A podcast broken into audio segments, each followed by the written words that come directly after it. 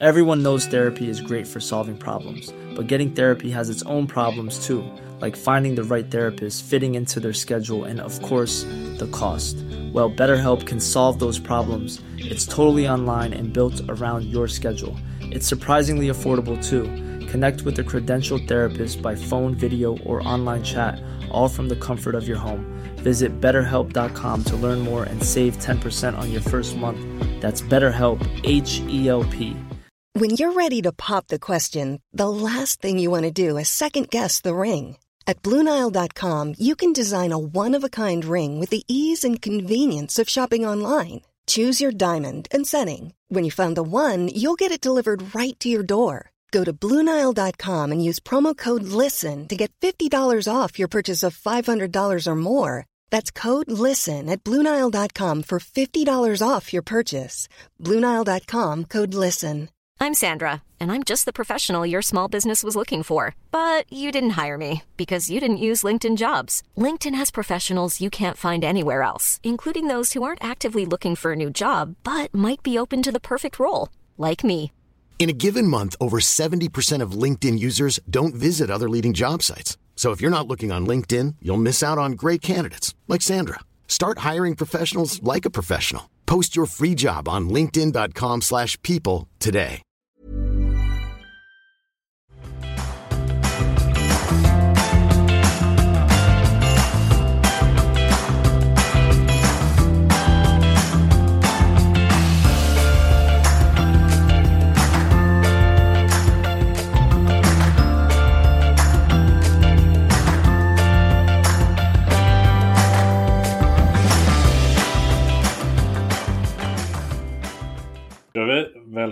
Till veckans Börsmagget.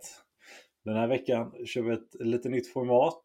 Vi kallar det för inte rattfylla utan mikrofonfylla. Kör after hours efter börsen har stängt, några öl har korkats upp och ja, vi kan börja med en fet disclaimer. Vi brukar ju disclaima att det här inte är någon rådgivning. Den här gången kan eventuellt viss fakta vara lite off också så det kan vara bra att dubbelchecka vissa saker vi säger. Men det mesta stämmer nog överens med verkligheten tror jag. Ja, gött. Hur känner du förresten så... vi hade ju första poddavsnittet nu där du inte var med. Och det ser ut som att eh, det är det mest lyssnade. Hur känner du för det? Jag gick in i datan och dubbelkollade det och kunde säga direkt att det var fake news. För det fanns ett antal som låg och trackade bättre. Så det var ju eh, ja, skönt med lite så här bekräftelse efterhand att man ändå fyller en funktion. Men samtidigt jag är en solidarisk herre. Jag står jag, eller laget framför jaget. Så länge det går bra för Magget så är jag nöjd. Bra, bra. Vad dricker du då? då? Det blir några tyska lager. Efter några år i eh, mikrobryggeri-träsket så har man kommit tillbaka straight edge. Inser att det är svårt att slå en bra tysk lager. Ska man dricka bubbligt vin då kommer det från champagne. Ska man dricka bubbligt öl så kan det lika gärna vara från München. Och vara München är helg från något schysst bryggeri där. Själva? Alltså, härligt.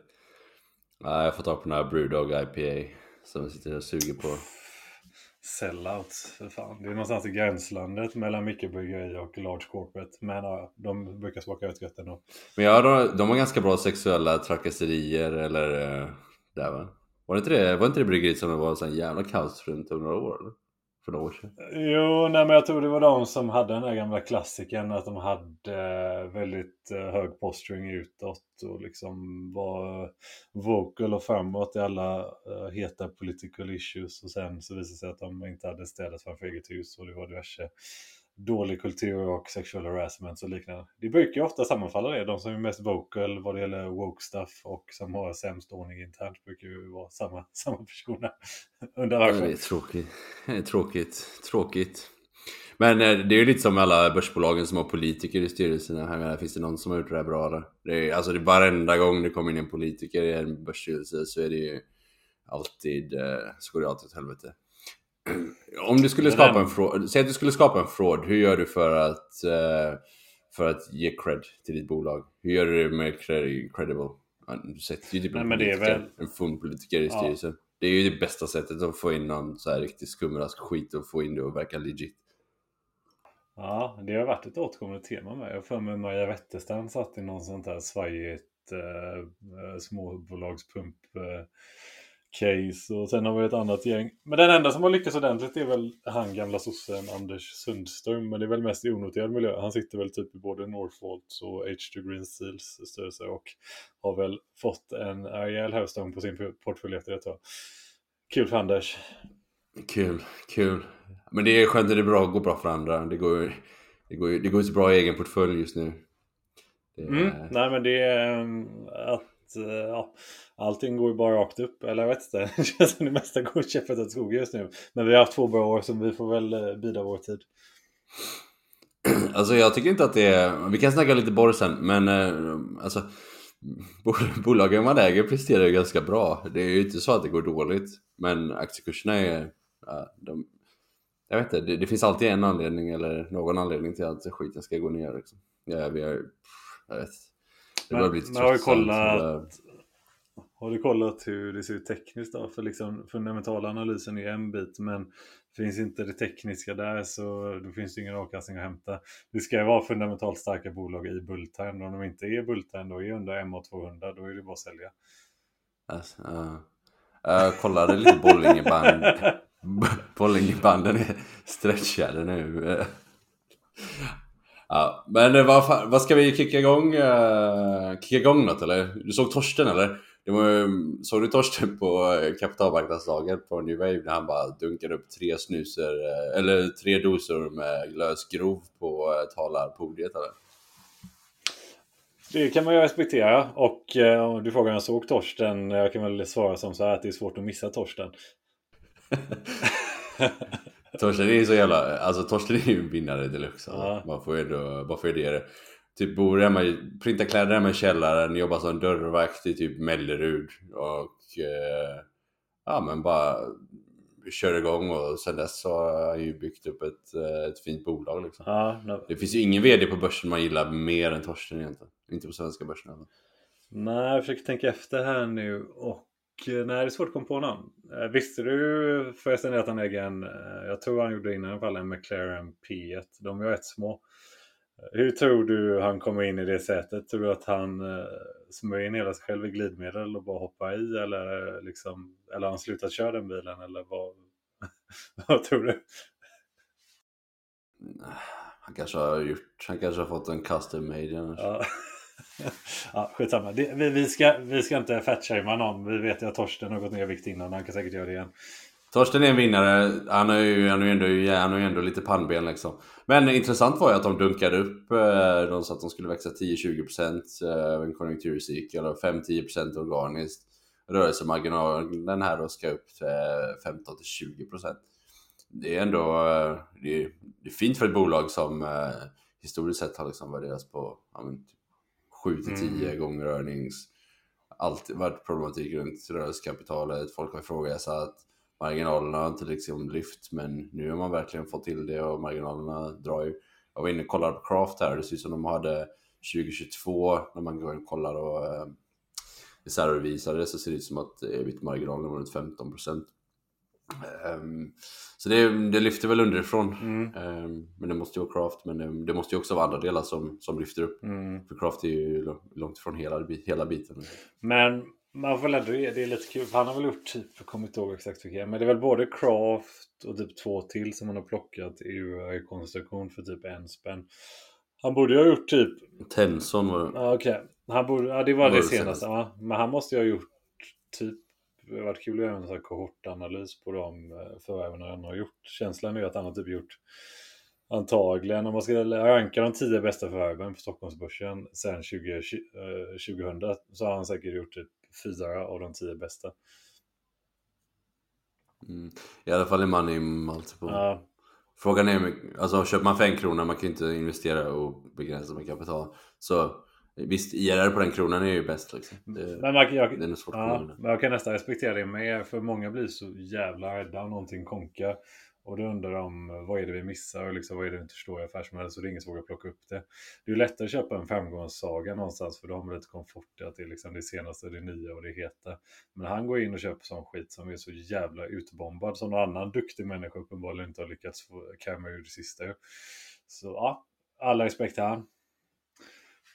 På tal om eh, lite mer jordnära entreprenörer. Eh, Kopparbergs eh, Peter Braunsman, Peter Brunsås, Peter Braunsarand. Kärt barn har många namn. De släppte ju en rapport här i veckan var det väl. Och de är ute och gör lite M&A. Såg du transaktioner de har gjort i kvartalet? eller? Alltså? Nej, jag missade det.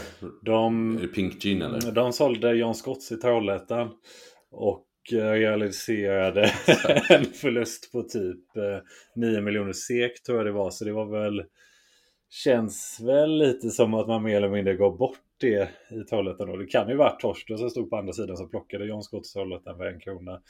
Tveksamt på att det blir så bra effekt på det. Eh, Men vad, alltså... Varför har de John Scotts? Vet du, har du någon aning om varför John Scotts ens finns i Kopparberg? Men vad är tanken med det?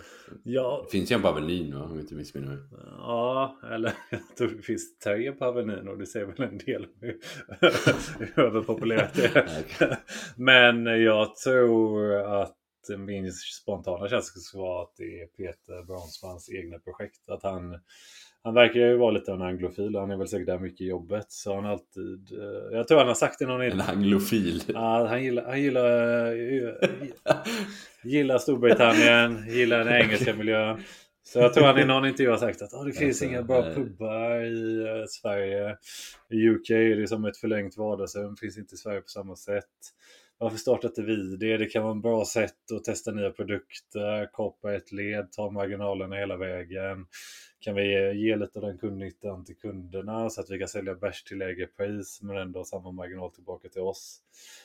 Det känns som att det är hans lilla babyprojekt. Det verkar inte gå svinbra. Eh, Men eh, ja, han har ju ut dem ändå på löpande band. Jag vet att många Stockholmspoddar spelar in sina poddar i närheten av John Scott på Kungsgatan. Så det kanske är många andra eh, svenska finanspoddar som är stamkunder där, vad vet jag. Men eh, rapporten var väl helt okej. De åkte på en rejäl FX-fisting eh, där så att eh, man redovisade ju negativ EPS. Men bra direktavkastning. Så om man vill ha en investering där man liksom kan få pengarna tillbaka och köpa mer eh, FES-jämna Sofiaro så är det Kopparberg som vi rekommenderar. Kolla. Är Sofiero fortfarande det största, största starkölet på systemet eller? T- Eller har det gått eh, något som har gått upp? Jag för mig de tappade den positionen för några år sedan. Och numera, Ja. om jag inte minns fel, så är det typ Mariestad som är först. Men de är ju topp 5 i alla fall. Historiskt har de väl varit topp Ja. 10 med både vanliga Sofia Ro och sen är ju 7,5an eh, Sofia Ro för oss lite hårdare gubbar. Den har också legat starkt tidigare.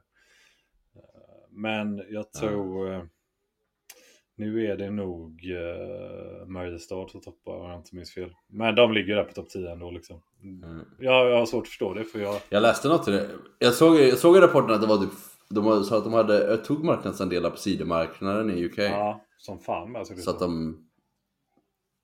Ja, 48 procent av marknaden från 43 eller något sånt där om jag inte missminner mig. Det får man ändå... Får man ändå ge dem. Nu har man ju ändå funnits i UK rätt länge så man tycker ju att om det skulle kommit en konkurrent som hade...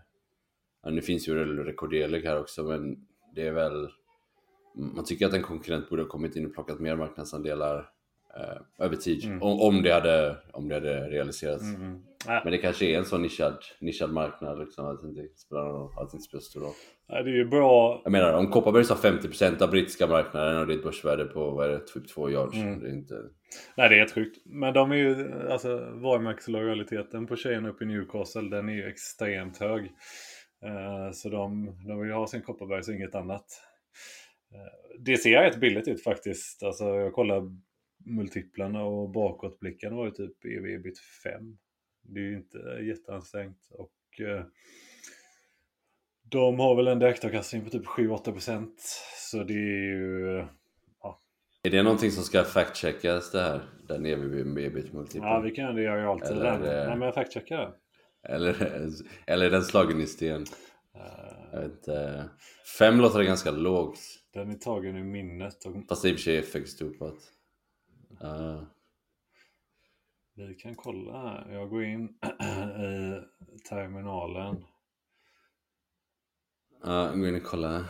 Kolla i blomman. Ja, den påstår, kolla här så står det 5x ebit. 3,8 gånger Alltså- ebitda. Så det Mm. är ju inte... Känns som det börjar bli uppköpsläge här snart. Ja, han börjar bli gammal med Peter. Så det är dags att vi se. ägde skit... Uh, hur gammal är han? Typ 70 eller? Jag vet inte. Han är 60 plus Mm, idag. aldrig. Jag tror att han är typ en bit norr om 65. Men det är ju en eh, gissning så om du lyssnar bara Peter, du behöver inte ta åt det. Låt oss... Peter har jobbat gratis de senaste typ 6-7 åren. Han är... Han fyllde 60 förra året. 11 juli fyllde han år om du vill skicka en eh, blomma till honom. Så han har många år kvar i tanken. Okej. Ja, så det är ju ingen... eh, ingen eh, inte dags ännu. Nej. Det, borde väl ett tag. Men han är ju, jag vet ju att Peter är ju gaisare och de lever ett hårt liv. Det är ett hårt liv i motgång så det var därför Ja. han ser ut att vara 70 snarare 60. Skitsamma. Låt oss gå vidare till en till härdsmälta. eh, På tal om bolag som eh, går sådär på börsen. Nobia, eh, de kommer ju med siffror i veckan också. va? De Ja, ett annat UK-bolag va? Mm. Ja, men de eh, kom in starkt. De hade minus 22% i Organic Sales Development. VDn ska lämna. Han ska gå till Nilfisk. Och eh, ska jag inte lite så Han har gjort så bra resa. Nilfisk. Ja, han har gjort så bra resa med Nobia nu så de vill... eh, de här eh, som tvättar golv, alltså golvtvättar och sånt eller? Ja, det är väl bland annat eh, golvtvätt. Var det inte det som spanns av från N- NKT typ back in the days? Jo, precis. Nilfisk spanns väl av från NKT, så hade den här kabeldelen kvar va? och så var det den där.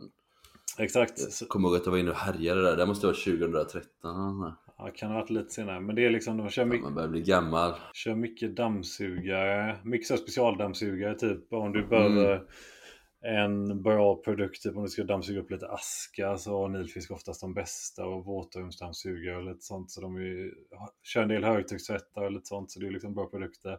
Mer Mm. business to business tror jag. Man är ju en rätt stor eldare. Mm, mm. Så det, Nej men den här rapporten var svindålig. Eh, De var innan eh, gjort, jag tror de har gjort två divestments som dumpade något brand i eh, Holland och dumpade något annat mer i Centraleuropa. De har byggt en ny superfabrik utanför Mhm, Jönköping som de har gjort en sale leaseback för att plocka in pengar. Eh, Det räckte inte så nu fick man ju en cap raise som typ ledde till 50% dilution. Trots den cap raisen så är man supergearade. Så jag tror uh, fully diluted är typ market cap 2,5 miljard nu. Och man har en nettoskuld på 5 miljarder på toppen. Så det finns ju en rejäl finansiell hävstång här om du skulle få ordning på det. Eh, de har historiskt... Så alltså vad du har i dagsläget är typ efter dilution ett EV på 7,5 miljard. Man har historiskt printat en ebitda på typ 1,5 miljard. Så det är inte jättedyrt nu. Estimaten ligger snarare att man ska typ printa 1 miljard, 1,2 miljarder framåt. Så det är typ ev ebitda 56 om man tror att man åtminstone ska komma någonstans i närheten av det man gjort tidigare år. Men det känns lite stökigt. och tre gånger ebitda skuld så att... Mm, ja, alltså på en framåtblickande Typ. skuld på bästa fall liksom. Så det är ju gear. Få på toppvinster Ja, typ. ja. Nej, men så det känns ju lite stökigt. Det känns som att eh, byggmarknaden har eh, kanske ett och två eh, steg till att nå dit igen. Ja, De gör väl förlust nu va? Så det ska ju till... Ja, det ska vara till en del för att Ja. det ska ut. Ja, vi får se. Det känns ju som att det här kan ju bli en serie, serie um, utspädare.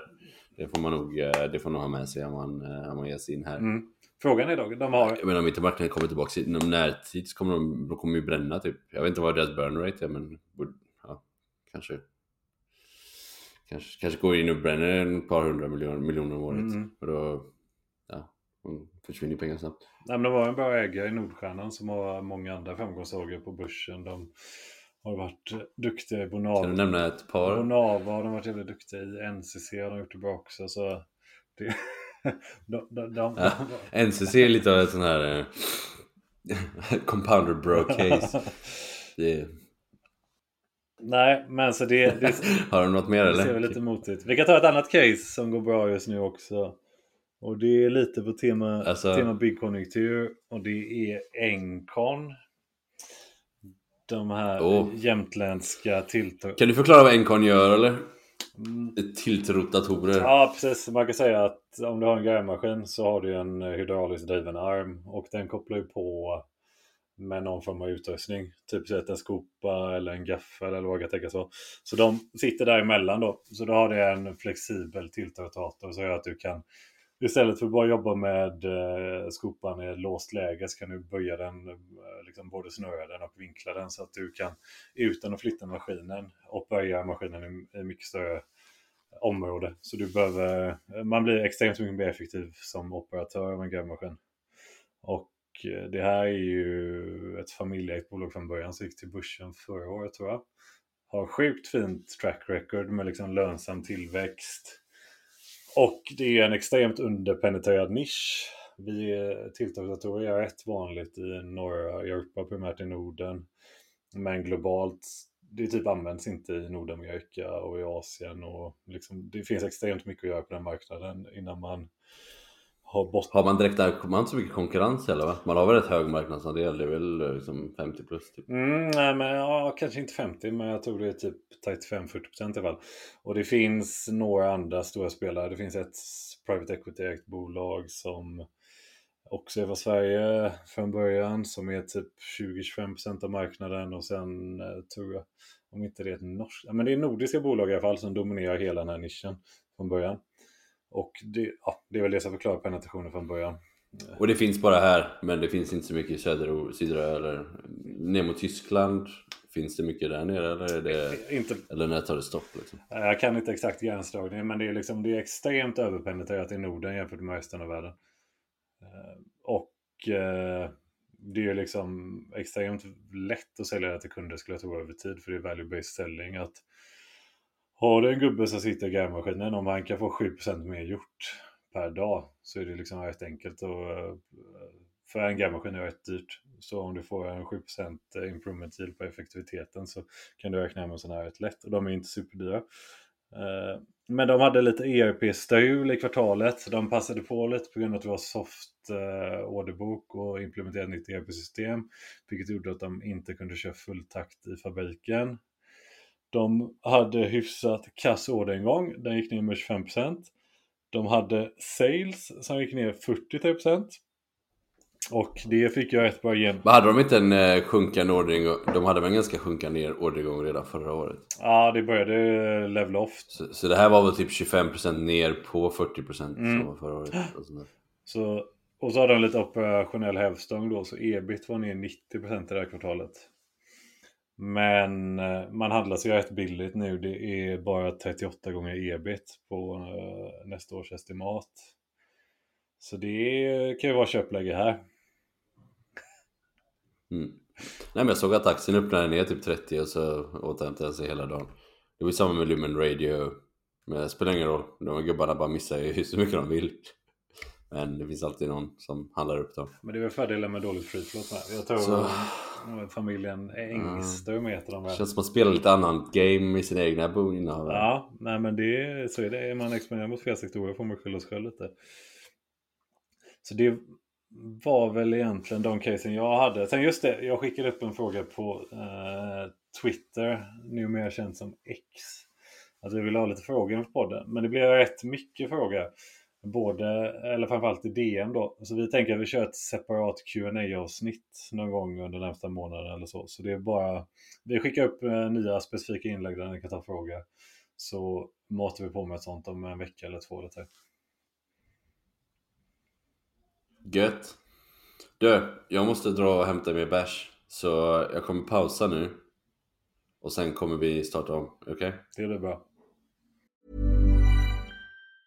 Mom deserves the best, and there's no better place to shop for Mother's Day than Whole Foods Market. They're your destination for unbeatable savings, from premium gifts to show-stopping flowers and irresistible desserts. Start by saving 33% with Prime on all body care and candles. Then get a 15-stem bunch of tulips for just $9.99 each with Prime. Round out Mom's menu with festive rosé, irresistible berry chantilly cake, and more special treats. Come celebrate Mother's Day at Whole Foods Market. Hiring for your small business? If you're not looking for professionals on LinkedIn, you're looking in the wrong place. That's like looking for your car keys in a fish tank. LinkedIn helps you hire professionals you can't find anywhere else, even those who aren't actively searching for a new job but might be open to the perfect role. In a given month, over 70% of LinkedIn users don't even visit other leading job sites. So start looking in the right place. With LinkedIn, you can hire professionals like a professional. Post your free job on linkedin.com slash people today.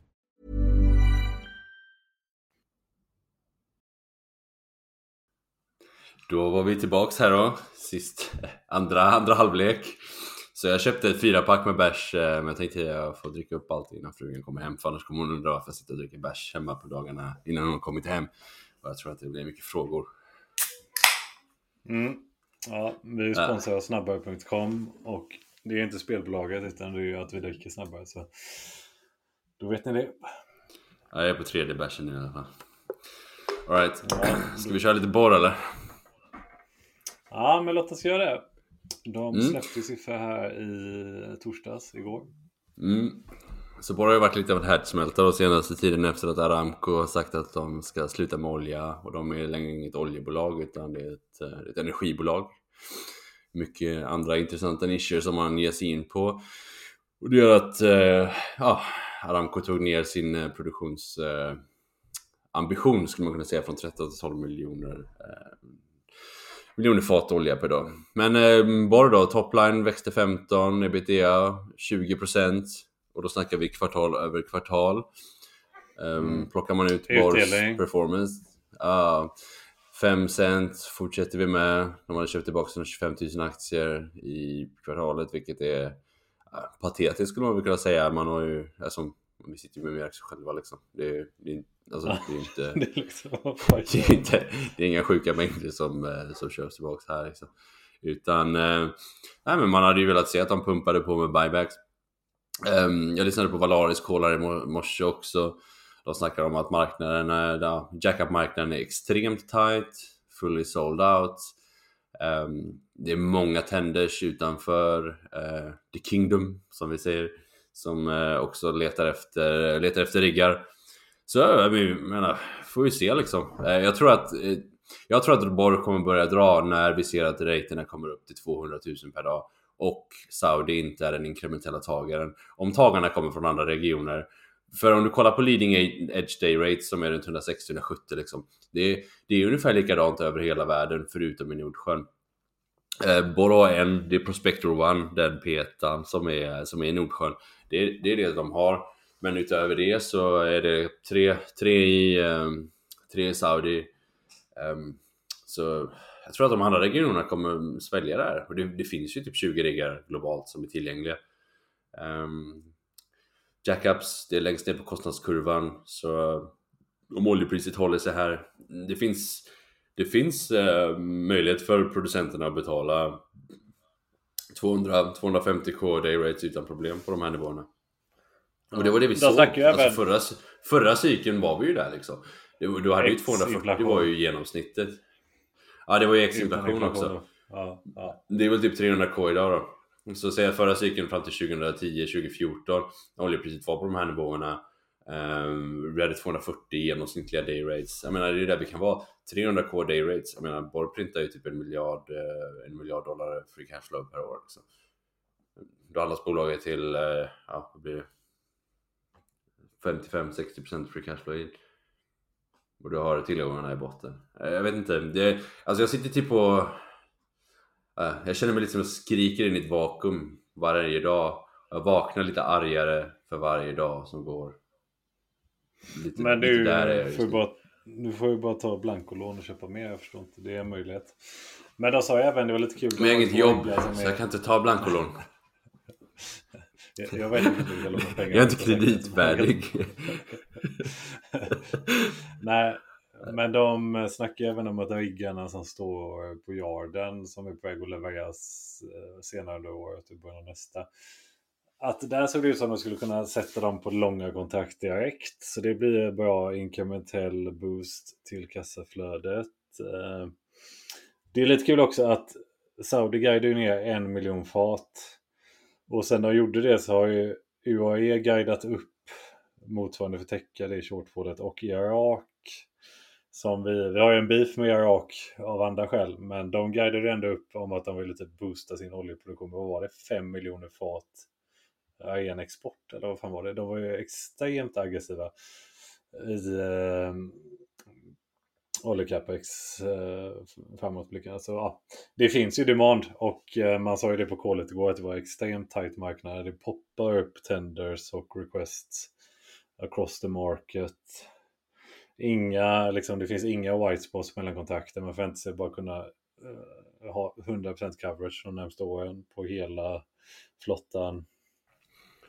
Jämför du det med Valaris till exempel, som de har ju Deepwater. De sa ju i sitt call liksom att det kommer bli vissa gaps i schemat 2024. Eh, har du ett gap så är det ju ganska kostsamt för att du sitter ju fortfarande med mycket stora delar av kostnaderna även om du inte är operationell.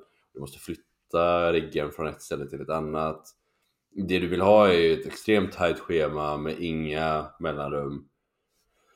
För det, det, slår, det slår väldigt snabbt på vinsten. Borg har ju ett, ja, man är ju 87% coverage nu liksom. Det är, ja, året, är, året är egentligen täckt. Vi kom, de kommer ju fylla på med resten också. Det är, det är, jag tror inte att det är några, några problem. Borg har ju de bästa riggarna, de kommer ju vara i producerande läge.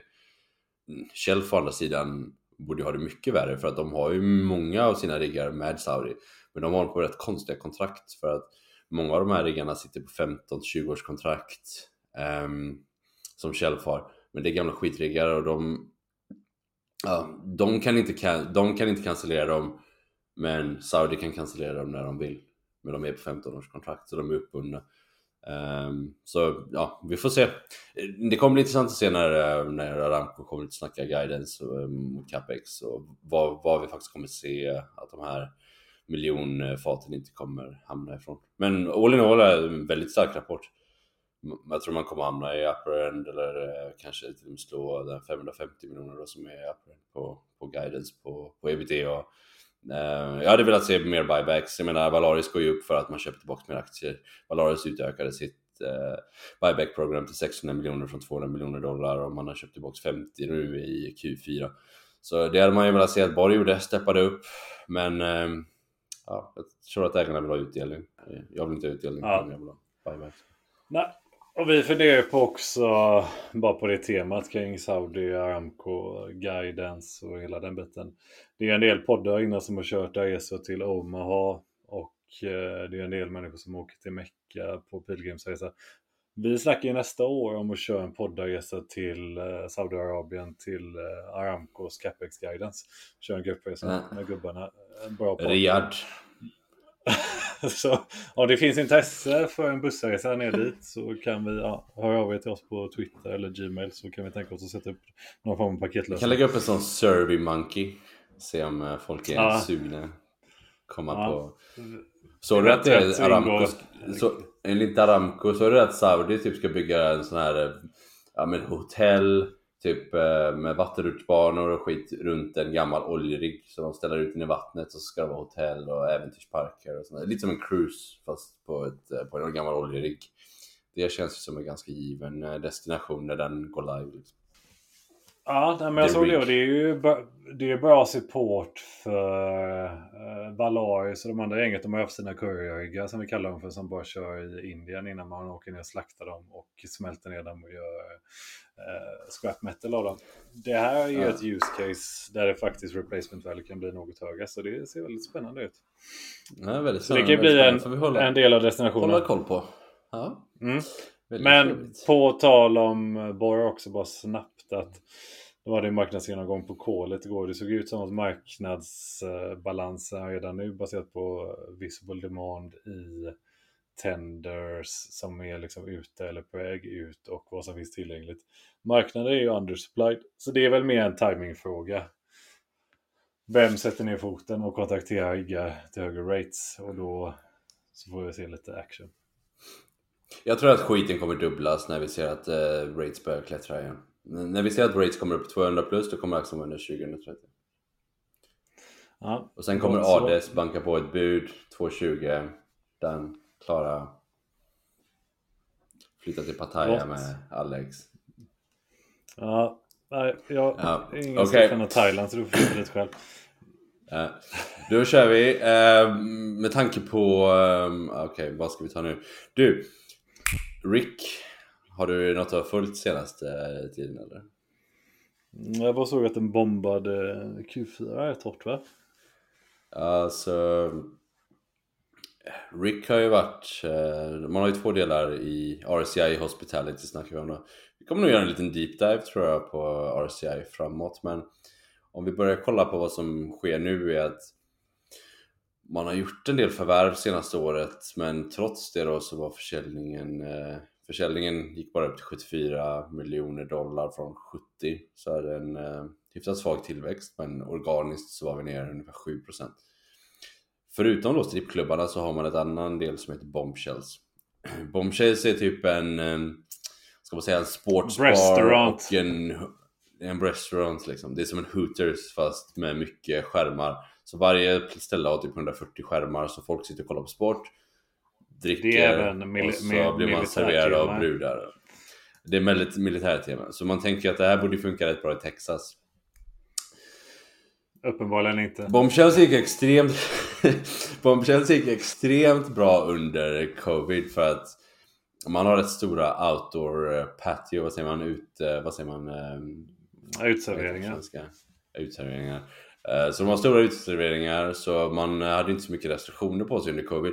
Så man, eh, man hade ju en extrem hög like for like för om folk ville gå ut och kröka då var det dit man var tvungen att gå.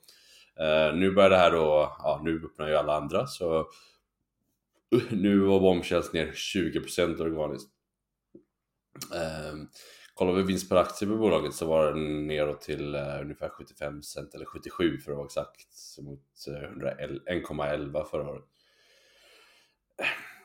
Det går, det går sådär, jag tror att en hel del eh, ja, jag, jag, tror att det är lite squeeze på konsumenten i USA um, och då um, ja, strippklubbar är väl, det är väl inte dit man går först liksom.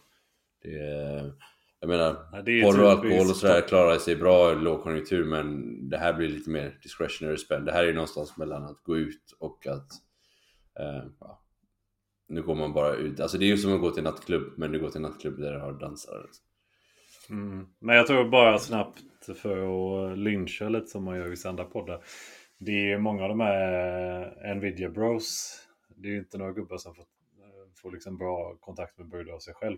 Så det kan vara en möjlighet. Innan var ju Crypto Bros de som drev bra eh, återhämtning i Florida exempelvis. Och där har man ju en del riktigt stora styckklubbar. Så jag tror, blir det bra fart på AI-boomen kan ju det i sig vara en underliggande drivare i eh, Rix, skulle jag kunna tänka mig. Erik sa ju det typ att det var någon sån här kryptokonferens typ i Miami som drog in rätt bra liksom. Och då ska nördar dra till eh, strippklubbarna liksom. Men eh, jag vet inte, NFTs, det är lite, ja, ja, jag vet inte. Oavsett så är det ganska svagt eh, tycker jag. Men kollar man på den längre sikten så, ja men Rick har compoundat och 12% organiskt på försäljningen. Eh, 12% ebitda och 17% på cashflow de senaste åtta åren och man har minskat aktiestocken från 10,4 till 9,3 miljoner. Det är ju ändå eh, när man minskar utstående aktier med ungefär 10% så man eh, lyckas öka med öka försäljningen 12% samtidigt som vinsten går upp 12. Jag tycker det är det är okej okay, men man hade nog velat se lite mer här. Um, man har ändå lite gearing det, det är ju typ... Uh, där man. Typ ta Ja, man har ju leverage liksom. Man gör ju mycket, man gör ju mycket sellers notes, det vill säga att när försäljarna säljer så Um, säg att du är typ en, uh, du är 60 år, du bor i Texas, du är en gammal, uh, du är en gubbe som har drivit en strippklubb hela ditt liv. Du har pumpat ut någon miljon dollar per år och du har levt rätt gött på det. Kidsen, de vill inte ta över strippklubben för att ingen vill driva uh, nu för tiden, förutom Rick. Eh, och då, då blir det att man, eh, man säljer skiten. Eh, för att undvika då deras skatter så säljer man för viss kontant direkt men sen så har man också att Rick amorterar av ett lån till dig. Så det är som revers. Det är liksom Technion gör när Daniel köper aktier från Johan Sten. Att, ja, men då får, du betalar en viss del av köpeskillingen över 10 år amorterat. Så Rick kan pusha de kassaflödena framför sig och på så sätt hålla uppe förvärvs, eh, förvärvstakten. Um, så det, ja, det, det, är väl, det är väl bra att man gör det, men man har ju rätt hög ränta liksom. Eh, Rick har ju 8% ränta. Och det gör ju också att kostnaden av kapital är rätt hög eh, i hela branschen. Så, um, så man är ju typ en av de få kapitalstarka i branschen. Så till skillnad mot när ehm, um, Adtech och Lagerkrans går runt och kollar förvärv så är det rätt låg konkurrens här tror jag. Det finns eh, uh, det två som kan punga upp cash och, och köpa de här klubbarna för några miljoner dollar eh, uh, åt gången.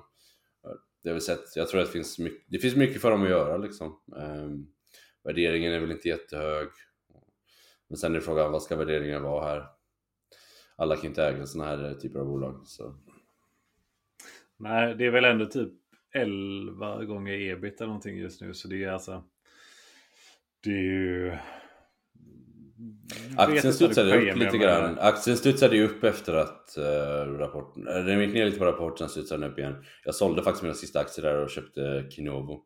Så Kinovo kommer ner till under 50 p så jag har tryckt... Jag har ökat min Kinovo-position med ungefär 40% senaste, senaste veckan. Så, så jag valde att flytta runt lite grann. Men uh, Rick är ett bolag man håller, håller koll på. Det, um, ja. Nej, ingenting yep. jag skulle äga. Jag är lite, ja, lite för omoraligt för min del. Jag skulle inte kunna äga den sektorn. Nej, nej men, men alla är ju olika. Vad snackar du om nu? Nej, man vet alla morsan lyssnar på det här. Jag skulle aldrig kunna äga ah, okay. Bara säga det. Nej. Min mormor ägde ju eh, Rick, eh, så jag köpte en rätt saftig post till henne under covid, typ eh, jag tror 12-13 dollar eller något sånt där. Och min mormor ägde ju rätt mycket Rick, så det var hennes största position när hon gick bort. Eh, så han dödsboförvaltaren nämnde typ jag bara Ja, det var en väldigt intressant aktieportfölj här i alla fall. Jag ser att det, det är lilla roliga bolag i portföljen. Ja, Jaså, din lilla kåthund. Visste man det?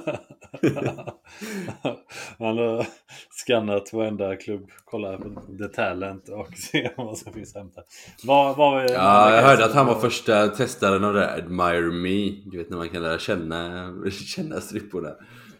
Ja, det, det, fan, det blev inte så bra fart på det. Jag trodde det skulle bli nya Onlyfans. Nej, de hade typ eh, ukrainskt utvecklarteam och jag tror att de eh, blev inkallade i militären till slut. Så ja, jag vet inte. Vi får se. Känns som att det här kanske är lite... Ja. Vi får se helt enkelt vad det tar vägen. Det är väl ingen superoptionalitet. Alright, har du något mer kul eller? Eller ska jag dra mitt... Uh, ja, kör du. Kör du. Så Technion vad är, är det någon som är ute och springer eller? Mm. Jag tänker ju att de är ute och snöar och springer och springer. Ja, oh. Just. Jag såg någonting Okej, okay, tänk så här. På det här. Alltså det är ett bolag som typ eh, försöker um, vara en högkvalitativ serieförvärvare. Det, så ditt hela rykte är att uh, ja, du ska kunna förvärva bolag till bra multiplar. Alltså att en person i ett bolag som är börsnoterat är insynsregistrerad Alltså det funkar ju inte En person som är En person som är förvärvsansvarig på, ett, på en serieförvärvare eh, ska ju vara insynsregistrerad Alltså det står i lagstiftningen, det, det är helt klart det, det, finns ju ingen det finns ingen fråga om det här riktigt. Eh, I alla fall, så Daniel hade sålt eh, från 35 000 aktier till 8 000 aktier. Eh, Roligt var ju också att Daniel committade till att eh, köpa för hela sin lön i Technion. Han sa ju det, jag kommer köpa för hela min lön i Technion, kommer jag köpa aktier. Och istället så går han och säljer 75% och sen så försöker han bli erbjuden ett optionsprogram som inte är attraktivt nog. Men då säljer han innan det optionsprogrammet för att den ska kunna signa upp sig i ett optionsprogram som man inte vill köpa in sig i. Mm. Man, man kan väl summera... Alltså Daniel är nog en investerare.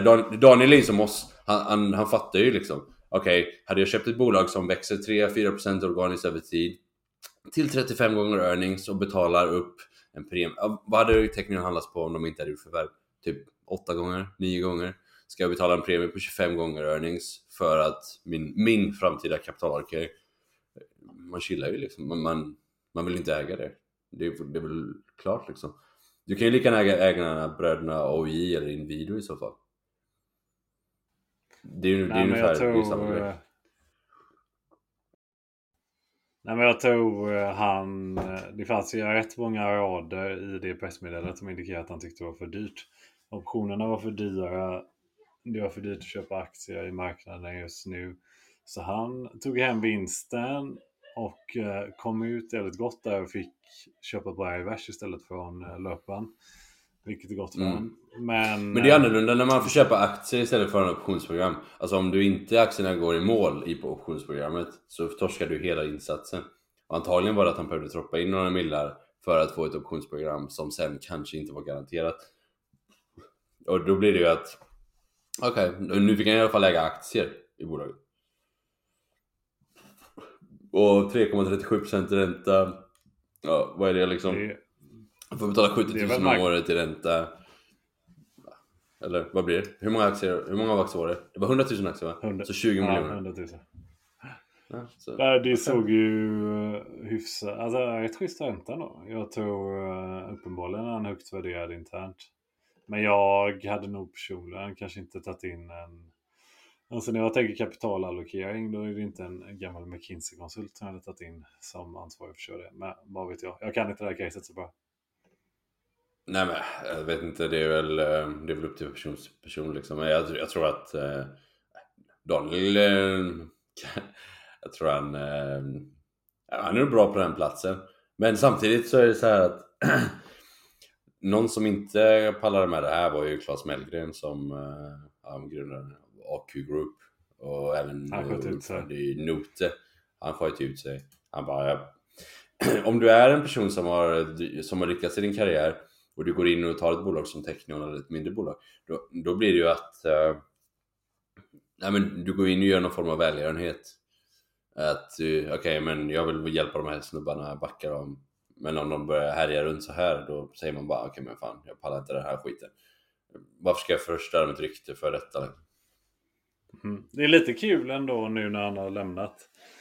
Alltså när jag tänker noterat bolag, om man tänker en styrelse, då tänker jag inte som Technions styrelse. De har fyra ledamöter. En är VD. Styrelseordförande är största ägaren. Eh, och sen finns det två gubbar till då. Alltså det är inte... Det känns ju inte som att det följer svensk eh, kod för bolagsstyrning direkt. Men hur många bolag, hur många snubbar vill du ha? Eller kvinnor eller män? Dem? Eh, Vem, vilka det nu? Hur många personer vill du ha i en eh, bolagsstyrelse? Alltså, du vill inte ha så många. Annars får du bara Nej, men jag tror ändå- konsensusgrej. Det värsta är ju du kan ha är typ 15 pers typ som ett P-ägt bolag. Ingen äger någonting, då blir det ju ingenting gjort. Då kommer ju alla... Vill du, inte ha, du vill ju ha en så liten styrelse som möjligt som du kan lita på. Det gör jag, men jag tror ändå om du är minoritetsägare i ett noterat bolag så låt oss räkna bort VD då. Eh, så då har du tre styrelseledamöter och så låt oss räkna bort största ägaren. Då har du två styrelseledamöter. Så vad det de facto innebär, jag vet inte hur de röstar på, men liksom, det ska ju rätt mycket till för att de två oberoende styrelseledamöterna ska typ stoppa någonting som kan tänkas gå emot minoritetsägarens intresse. Så det hade varit bra med en gubbe eller tjej till, eller två. Det är ändå, jag tror ändå det är någonstans långsiktig sluta en till i styrelsen nu som inte är eh, Johan eller Per. Då är det liksom, det ser ju nästan löjeväckande ut. Ut som ett skolprojekt snarare än ett börsnoterat bolag. Mm. Ja. Vi får se hur det går.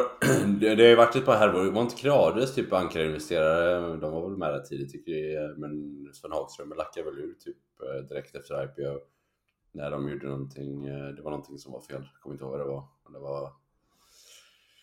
Ja, dåligt. Jag kommer inte ihåg.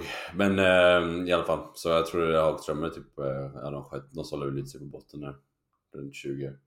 20 sek. Så det var en 10 bagger sen, sen, dess.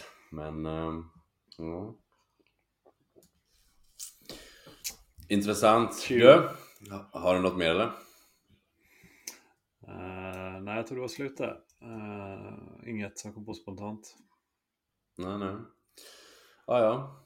ja vi har härjat runt här i 40 minuter och sen hade jag en vätskepaus på mitten där så ja, 45 minuter ändå.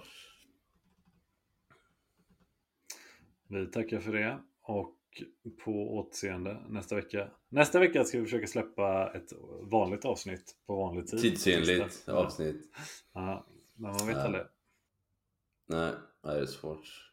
Det är mycket ändå som händer. Pågår hela tiden. Ja. Nej men eh, det var bra där. Nu fick vi i alla fall här igenom rätt många rapporter som har kommit. Nu borde väl... Eh, ja, nu får vi se vad som hinner hända till på tisdag. Men, ja. Ja, ja, ni får det så bra. Ingen rådgivning rekommendation. Jag äger borr. Äger du något annat? Uh, nej, jag äger bar. Um, Tror jag. Ja, inget mer. Eh, Technion, Evo, New Wave. Rick. Nej, Nej. nej. Nej. nej. Okej. Inte ens kort. Alright. Då. Och det... Ja. Suger ju, men får ta det. Ja, ja. Ha det så bra. Vi ses på, uh, Ha det gött. Ha det gött. Tja.